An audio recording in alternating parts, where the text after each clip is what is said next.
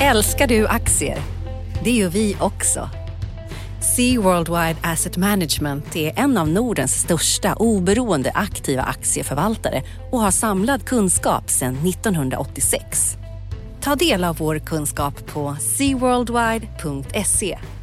Bokstaven C, worldwide.se.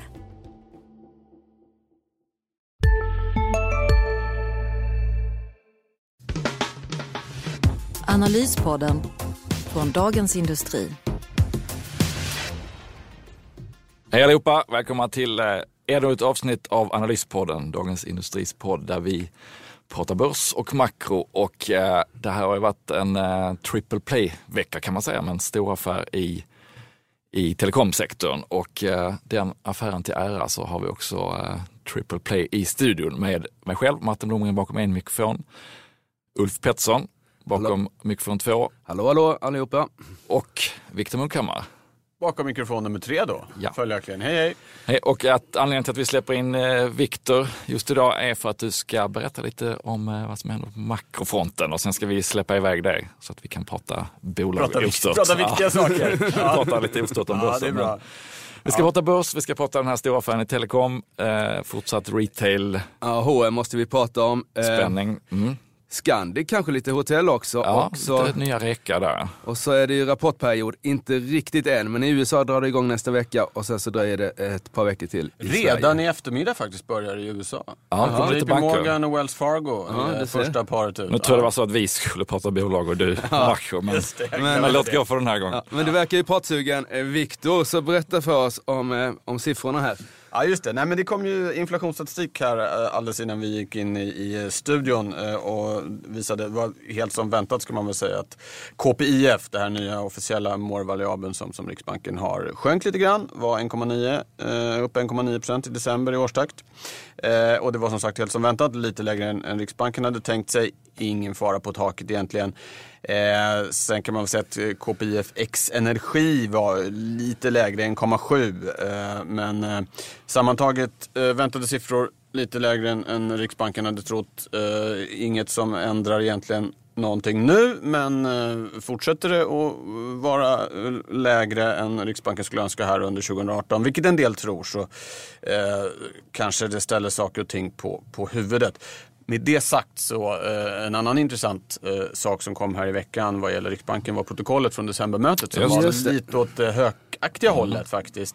Och Exempelvis hökar för icke riksbanksornitologer är då att man... sådana som är mer eh, benägna att vilja höja än sänka. Du vore ju eh, Ja. motsatsen då. Och bland annat så Henry Olsson, eh, en av ledamöterna där, verkar vilja höja redan nu i februari. Exempelvis.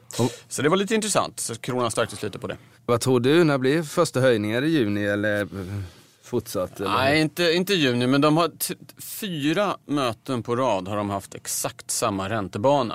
Eh, nämligen, och den visar då att en, en första höjning skulle komma i juli eller september i tredje kvartalet. Det är ju ett möte precis där på andra sidan halvårsskiftet och så ett i början på september. Eh, och, och de verkar ju verkligen vilja hamra in det budskapet att det är, är så det ska bli och marknaden har allt mer tagit det till sig. Så det är väl den bästa gissningen just nu. En annan Intressant sak som lite stärker det kanske var eh, protokollet från ECBs möte som också kom nu i veckan som också drog lite åt det hökaktiga hållet. Bland annat de att de skulle kunna börja, eller det viktiga de senast gjorde var att de förlängde sitt köpprogram men halverade. Så att från och med nu i januari så kommer de köpa för 30 miljarder euro i månaden och det är då förlängt till, till september. Och det de sa nu här i protokollet var att de ganska tidigt kan börja guida vad som ska hända sen och det tolkades också som en lite högaktsignal. Så euron stärktes på det och det gör det lättare för Riksbanken om ECB liksom är på väg åt samma håll. Det. var en oro som exempelvis Per Jansson hade enligt Riksbanksprotokollet. Eh, Han, han är väl den mjukaste, den duvaktigaste av ledamöterna just nu. Att, att det går inte att ligga för långt eh, ECB. Så lite dr- dragning åt det stramare hållet eh, här. Trots då dagens eh, inflationsstatistik här, eller fredagens ska jag säga för den som lyssnar en annan dag. Som ju var, visade att inflationen sjönk något. Innan vi släpper det då, eh, även i USA så är det ränta upp som är lite trenden sedan Ja. ett tag tillbaka. Men även långräntan nu har ju fått en Ja, del... en eh, liten, liten skjuts här i, i, början på året och stigit markant 5 och 10-åriga räntor. Och det, har- det, det var li, lite, lite rabalder här tidigare i veckan när eh, Bill Gross, som the- obligationskungen, the Bond King, eh, 73-åriga ränteveteranen, sa att nu är den 25-åriga trenden med sjunkande räntor bruten. Om man liksom lägger en linjal längs topparna som har varit så har den hela tiden pekat neråt. Det vill säga, räntorna har gått upp och ner men de nya topparna har hela tiden varit lägre än de tidigare. Men nu har det då brutits här. Vi, vi får väl se, det är fortfarande inget jätteinflationstryck i USA. Där får vi faktiskt inflationsstatistik idag på eftermiddagen. Men eh, absolut eh, eh, ränta upp. Det är ju också en allmän riskaptit. Börsen har ju stigit sådär. Då tenderar ju räntorna att- stiga. Men ja, det är lite intressant läge. Jag har för mig att jag läste någonstans att kineserna som är stora ägare och amerikanska statspapper skulle minska sin andel här. Är det något som, är det bara jag som har sett det? Eller har Ja, det, sett det, också? då, det har varit obekräftat, lite oklart. Sen har de väl halvt dragits tillbaka. Den här uh, Safe som det heter, Kinas liksom enhet för de där innehaven. Ja, äh, li, lite oklart, men visst, den uppgiften var ute. Sen så, det som också påverkar det är faktiskt att, att Bank of Japan har, de har liksom ett intervall i hur mycket de ska köpa. Och där signalerar de att de skulle minska lite också. Så att hela det här stora hangar, eller flottan av hangarfartyg, stora centralbanker som i nästan tio år nu liksom har gått åt lättare håll med, med, med Federal Reserve och längst fram. Den håller ju på att- vända och det liksom, tror jag blir en, verkligen en grej att hålla koll på i år. Det här, det här började ju redan förra året. All, alla hökar som har dykt upp här redan första veckan 2018 Ja, på vi- olika världsdelar. Ja, ökar och ökar. ECB köper fortfarande för nästan 300 miljarder kronor i månaden. Men det är, min, det är hälften av vad de gjorde i, i Duvorna har fått en hökvinge i sig kanske. Ja. Mm. Bra! Ska jag ta något framåtblickande bara innan Ja, gör det. jag- Ja, gör det. Vad ska man hålla koll du- på ja, nästa var, vecka? Jag, jag, tror, jag tror det var det du var på väg att säga förut. Eh, jo, nej, men det, det, för svensk del är det ju bostadsmarknaden som är fortsatt högintressant och då kommer det här Hox Value Guard och även mäklarstatistik på, på måndag som är den, den färskaste prisstatistiken. Och det är signalerna som har kommit både anekdotiskt och också från exempelvis Hemnet, sådana här barometer bland de som är i marknaden, visar väl att det håller på att stabiliseras lite. Sen finns det också en rätt stark säsongseffekt att hålla koll på i januari. Det, priserna har stigit eh, samtliga år i januari just sen Hox började med det här. Eh, så att, eh, och det är en drygt tioårig historik. Då. Så, så att det finns ett, ett tydligt säsongsmönster som man kan nog, nog nästan räkna med att vi kommer se lite stigande priser i januari. Eh, sen kan man också tänka sig att det finns en effekt av det här nya skarpare amorteringskravet som införs första mars. Att folk som ska göra affärer vill få dem på plats innan. Så såg vi när det första amorteringskravet infördes att det blev en skjuts innan. Sådär. Så att, eh, eh, om man ska gissa, kanske lite stigande priser i januari på månadsbasis i alla fall. Eh, och, eh, men, men att eh, det, eh, juryn är fortfarande ute. Mm. Och den här småhusbarometern som kom tidigare i veckan från SCB, det är väl lite eftersläpning på den i och för sig, men där var ju sista kvartalet en prisuppgång på 1 så att eh, den här enorma fallet som det pratas om på delmarknader finns ju där, men, på den ska man helheten. den är, dels är utvecklingen kanske mer dramatisk på lägenheter som inte är Ja. med då, för det är småhus. Och sen som du säger så är det en, ungefär tre månaders Mm. eh, lag eh, på den. Så att det mest spännande är, är det som kommer på, på måndag då, Hox och även uh, mäklarstatistik, men framförallt Hox. Mm. Bra! Ska jag lämna er i fred nu så ni får Gör prata det, om tack. eh, Det var bolagen? Ja. Tack. Mm. ja, ni får prata triple play i en slags dubbel play uppställning då. Ja, det blir tack ska ni ha. Vi tackar Tack. för det och går över till double play då. då. Ja, det gör vi. Tele2 kom hems affär här. Som, som tidigare i veckan. Det var inte någon jätteöverraskning egentligen. Man, liksom, det hade bäddats en del redan knappt ett år sedan när Kinnevik gick in och köpte, eh, blev största ägare i Comhem. Så då visste de, då hade de liksom säkrat upp Comhem lite grann. Och så var ju den stora förvåningen då, varför var det inte Tele2 som köpte de här aktierna? För Kinnevik har ju inte med det här att göra egentligen mer än att de är ägare till bägge bolagen.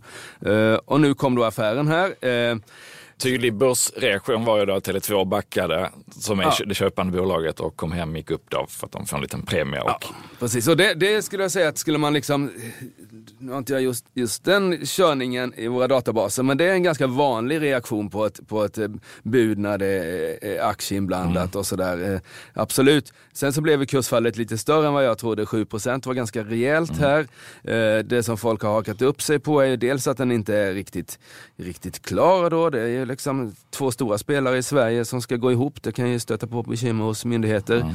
Sen har vi då en kom hem-aktie som eh, har väl i stort sett dubblats här om man räknar på kursen på något år eller styvt. Eh, det är klart, nu har ju Tele2 också gått väldigt starkt så, så de betalar med en ganska, en ganska liksom högvärderad aktie men de betalar de köper någonting som har gått ännu bättre senaste året. Så det var väl lite sånt där eh, som gjorde och, att det... Och att en del ägare har väl gillat Tele2 just för att de är ett renodlat mobil företag och med bra utdelningsmöjligheter. Ja, och det, och de, det de, här utdelnings, lite grann. ja, de här utdelningsmöjligheterna såg ju ännu ljusare ut. För i december, Tele2 har faktiskt varit på banan här, i, precis innan jul så, så gjorde de ju en affär med sin holländska verksamhet som har varit ett sänke för aktien, men så har de lyckats vända det där och nu sålde de stora delar av den verksamheten till, till eh, Deutsche Telekom och då räknar man, jaha, nu behöver de inte investera i, i Holland mer, nu kan de liksom börja dela ut ännu mer pengar och så kommer den här affären då där man liksom ska låna upp en del av köpeskillingen. Så visst, det, det tog nog bort liksom lite udden för det var ju en jättefin direktavkastning i Tele2. Nu får vi se, nu får man väl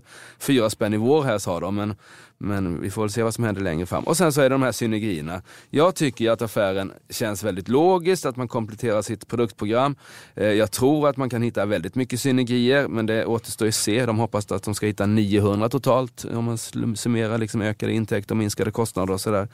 Och lyckas de med det och det kommer liksom hela vägen ner till, till eh, aktieägarna så, så tycker jag att aktien eh, ska över 100 spänn igen här. Men vi får väl se lite vad som händer. Det kommer ju vara lite, lite osäkerhet eh, med affären och sådär. Sen var det lite spännande också tyckte jag. Jag vet inte vad du tyckte men normalt sett så brukar ju det köpande bolagets VD vara den som rattar det här. Men nu blir det ju tvärtom. Nu det kom hem Anders så. Nilsson som ska in och göra Ja, det, det pekar väl också lite på att de strategiskt, Kinnevik då, ser att man kanske måste ha hela det här eh, produktutbudet för att kunna stå sig i konkurrensen längre fram. Är man bara en mobiloperatör så kanske man har svårt att få in eh, konsumenterna då som, som har tv, bredband, telefoni hos någon annan. Ska man locka över en sån kund kanske man måste ha hela paketet. Eh, Det kan ju vara den analysen de har gjort. att eh, okej, Och sen, att- sen ska det innehåll också i, i det där och där finns ju liksom... ja, det blir nästan det mest spännande framåt. Ja, och där finns ju då ett annat Kinneviksbolag om man ska liksom ta tillbaks MTG in i det här igen. De, har ju liksom, de gick ju ut ifrån från liksom Comvik och de här från början. Eh, Nu kanske det liksom går tillbaks igen här, vi får väl se vad som händer. Det var ju Ja. lite spännande. Nu, nu har ju då MTG gått upp väldigt mycket men det är klart det blir en intern affär lite för Kinnevik så det är möjligt att det kan bli något sånt och att man liksom kanske den här e-sportsgrejen, MTGX kanske hamnar på egna ben på något sätt. Det, Mm. det kan ju... Ja, det är inte alls omöjligt. Då Nej. tittar man på hur utländska operatörer har agerat i USA. Just nu pågår vår stora season sale med fantastiska priser på möbler och inredning. Passa på att fynda till hemmets alla rum, inne som ute, senast den 6 maj. Gör dig redo för sommar. Välkommen till Mio. CSRD. Ännu en förkortning som väcker känslor hos företagare.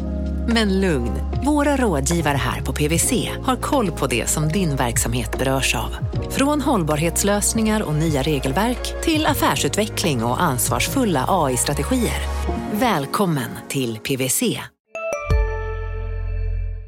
Och England så har det varit väldigt mycket fokus på att köpa även innehåll då, att, eh, att kunna streama till exempel sportevenemang eller, eller annat. Så att, eh, Ja, det blir det. Sen så, nej, sen så säger de riktiga att kom hem, vad har de för framtid med 5G och sånt där? Behöver Ja. vi liksom, ska inte allt gå via liksom rymden och över till oss liksom? Men eh, ja, vi får se. Jag tycker att, det känns som en logisk affär. Jag tycker att, att eh, som sagt var, de får mer innehåll och de bör kunna spara en del pengar eh, på administration och sånt. Alla svenska investerare har nästan varit negativa till kom hem hela tiden sedan det Ja. noterades. Eh, Ja. Men de har ju överbevisat de flesta tvivlare har gått eh, riktigt bra. Och de köpte ju Box också för ett tag sedan så de, de har en stark, eh, Stark ställning. stark ställning bland, eh, bland konsumenterna. Mm. som, och man lämnar ju, man hoppar ju kanske inte av sitt, man är ganska trogen sin tv och bredbandsleverantör. Även om det är mycket gnäll på kom hem och kundtjänst och sådär genom, genom åren så Så byter man inte. Nej, så ska det mycket till innan man eh, byter helt. Och man har inte alltid möjlighet att göra det heller om man bor i en, en bostadsrätt som har tecknat ett långt avtal. Ja. Så det finns ju en... Och den där avtalen, det kan man, ska man väl liksom vara negativ så efter jag förstår, utan att vara, vara kund på det sättet, eh, så de långa avtalen tecknades väl med helt andra pris, alltså det har ju varit ett prisfall ändå inom, inom den här sektorn och hur ser det ut när det ska om, om, Mm. omprisas det här. Så det, men hittills har det ju gått bra för Comhem, men där finns, kan ju finnas någon liten Mm. Ja, då handlar det väl om att kunna bundla som det heter i Mm. sektorn. Man paketerar ihop flera olika tjänster så att man knyter kunden ännu närmare till sig. Precis. På streaming kan vi bara flika in att eh, det kom ju en vinstvarning från ett bolag som är lite kopplat till den här branschen, Etchware, som, som säljer produkter som hjälper operatörerna med, med bland annat streamingtjänster. Mm. Eh, noterades för ett drygt år sedan och eh, spännande bolag. Eh, min invändning, jag tittade på den när de noterades, var ju att de har väldigt koncentrerat till få kunder så de är väldigt beroende av hur de investerar och det har ju fått dem att vinstvarna en gång i somras och en gång nu så att den faller 30% på fredagen här och är en bra bit under vad de noterades till. Så att, eh, eh, fortsatt varning. Bra bolag men eh, intressant Men bolag. lite, men- lite, lite för snäv kundsektor. Kund, man- kund. Precis, det man kan inte dra upp en värdering allt för högt i ett bolag som är så beroende av ett fåtal kunder som sitter i, riskerar att sitta i knät på dem. Så vad är det något annat du har noterat i, i, på vår börs här? eh, Ja, det är, i vinstvarningsväg så kom ju även igår kväll och torsdag kväll Lindex, ägare. Stockman med vinstvarning och eh, specifikt för Lindex som hade gått dåligt. Och De pratar som de flesta andra om att det är ett nytt köpbeteende där folk handlar på nätet och då hamnar inte motsvarande intäkter hos samma aktörer utan hos andra. Eh, och Boomerang lämnar ju in konkurs Ja, i veckan så att Det var ju offren skördas på löpande band. Eh, Ja, ja, det där är, jag tror att 2018, nu ska vi väl inte göra någon nyårssändning här igen då, men eh, detaljhandelns utveckling är superspännande. Valet kommer bli spännande och, och eh, Viktors räntehöjningar, det är ju liksom de som känns, och sen har vi bolagsspecifika Ericsson och sådär.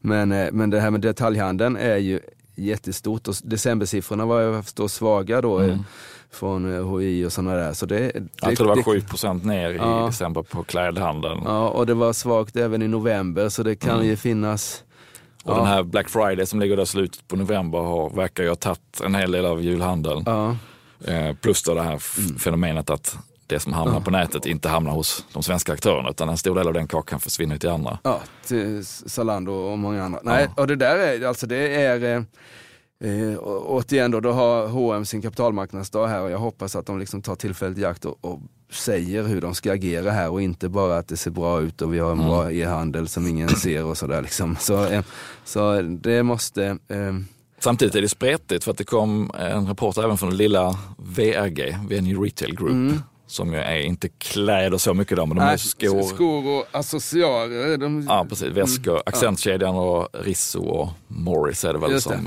eh, och, sk- och skodelen inne på NK i Stockholm. Eh, De kom med en bra rapport. De växte med 4% i jämförbara butiker.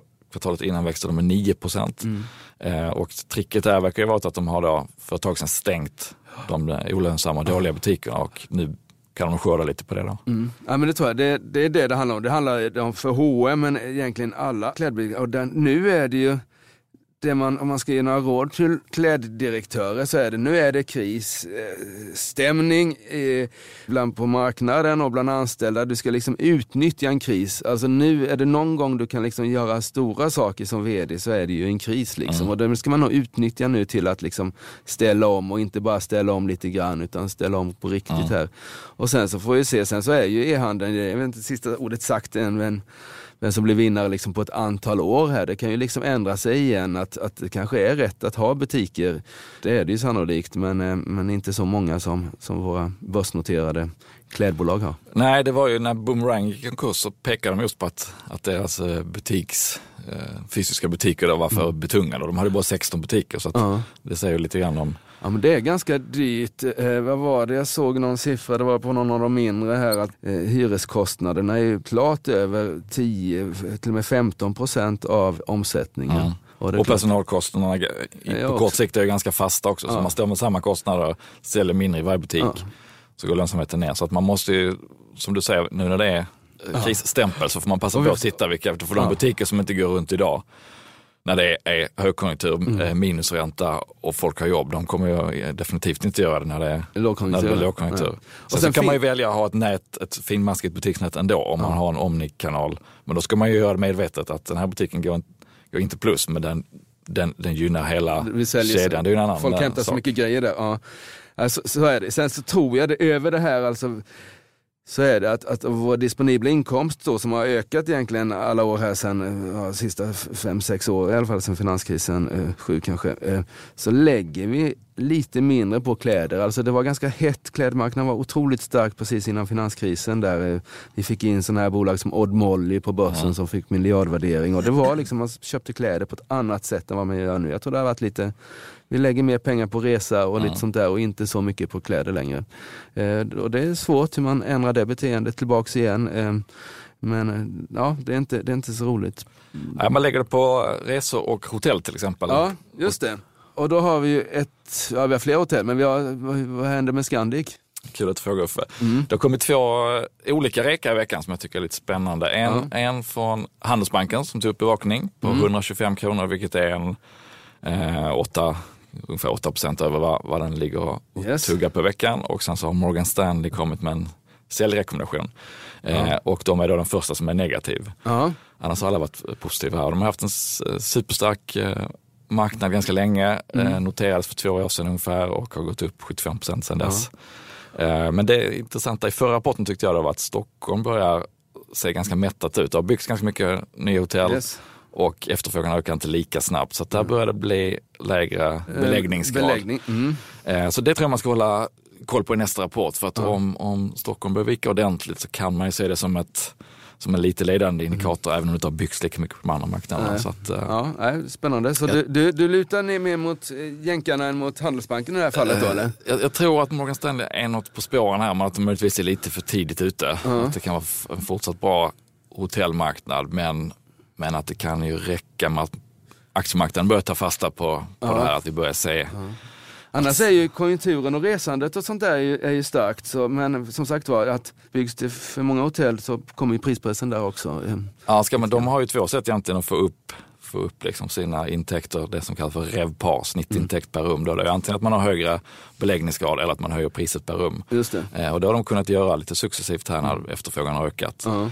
Eh, men så fort det planar ut så blir det svårt att höja den, eh, det nyckeltalet och då, då kommer ju vinsten att börja plana ut också. Så att, eh, ja, jag- och, och bakom allt det här, nu har vi snackat om Lindex och H&M och Scandic, så är det ju ändå, det finns ju en fastighetsmarknad där under på något sätt. Alltså, de flesta hotellägare äger inte kåken utan de hyr ju den och är Ja, operatör. Och vad det gäller klädbutikerna så finns det en fastighetsägare där också. Och det kan ju alltså nu, de har ju levt i den bästa av världar, eh, fastighetsägaren, ingen ränta och liksom låga vakanser och liksom, det, vi får se här vad som händer med, Mm, det med fastighetsbolag. Kanske inte så mycket 2018 men om det skulle, om, det vi ska- är på toppen eller nära toppen Ja. så kanske det är det 2019 kan Ja, börja. det, blir också, det blir också intressanta rapporter att läsa om, men det, det dröjer ett tag innan vi får läsa alla dessa rapporter. Ja det gör det. det svenska rapportbilden dröjer lite men i USA drar det faktiskt igång redan här då i eftermiddag som Mm. eh, vår vän Victor var inne på med eh, JP Morgan och Wells Fargo, två av storbankerna. Mm. Eh, och nästa vecka är det också väldigt många amerikanska banker som rapporterar. Eh, och vad ska man säga om det? De, den här långräntan som vi pratade om som är på väg upp, det gynnar ju bankerna då att det blir lite större spridning i, i räntekurvan. Ja, precis. Låna ut till en viss ränta och låna in till en, en lägre. Och eh, hög aktivitet, börsen är på rekord, det görs mycket affärer. Så att, Mm. eh, det är ju mycket medvind i ryggen för bankerna och det bör ju synas i de här rapporterna. Ja, precis. Och det är medvind även på Stockholmsbörsen. Vi är upp eh, sex av sju dagar hittills i år. Eh, vi får se hur fredagen här slutar. Eh, och det är det ju inför rapporten. Vi får se om, om, om marknaden har liksom blivit för optimistisk här. Det kör ju igång. Vi ska se, det är två veckor kvar innan Ja, det liksom fan. blir på riktigt här. Men Det kommer Avanza och Öresund kommer nästa ja, vecka men just det, det. Men det är kanske lite, det kanske inte vi ska kanske inte kan sätta tonen för hela Hela börsen? Nej, det tror jag inte. Eh, Men däremot har jag noterat att Avanza som var lite, lite sänkt aktien har faktiskt har gått upp en 25 procent bara på någon månad här. Så Det har ju varit tydlig risk på humör här där Mm. småbolag har gått bra.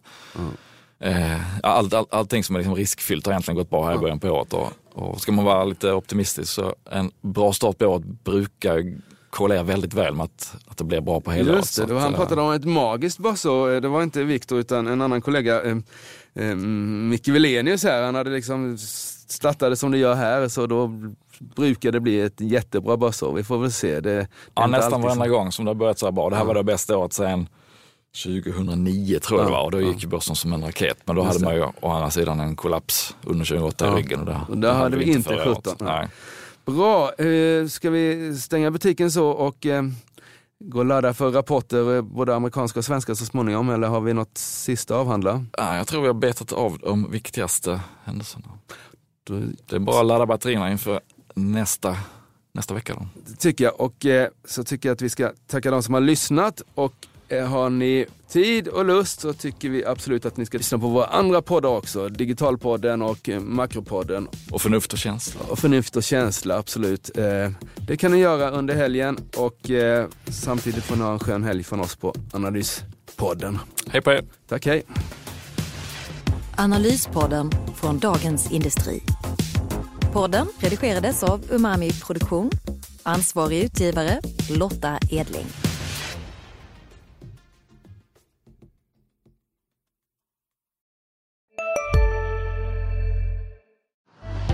Älskar du aktier? Det gör vi också. Sea Worldwide Asset Management är en av Nordens största oberoende aktiva aktieförvaltare och har samlad kunskap sedan 1986. Ta del av vår kunskap på seaworldwide.se. Bokstaven C, worldwide.se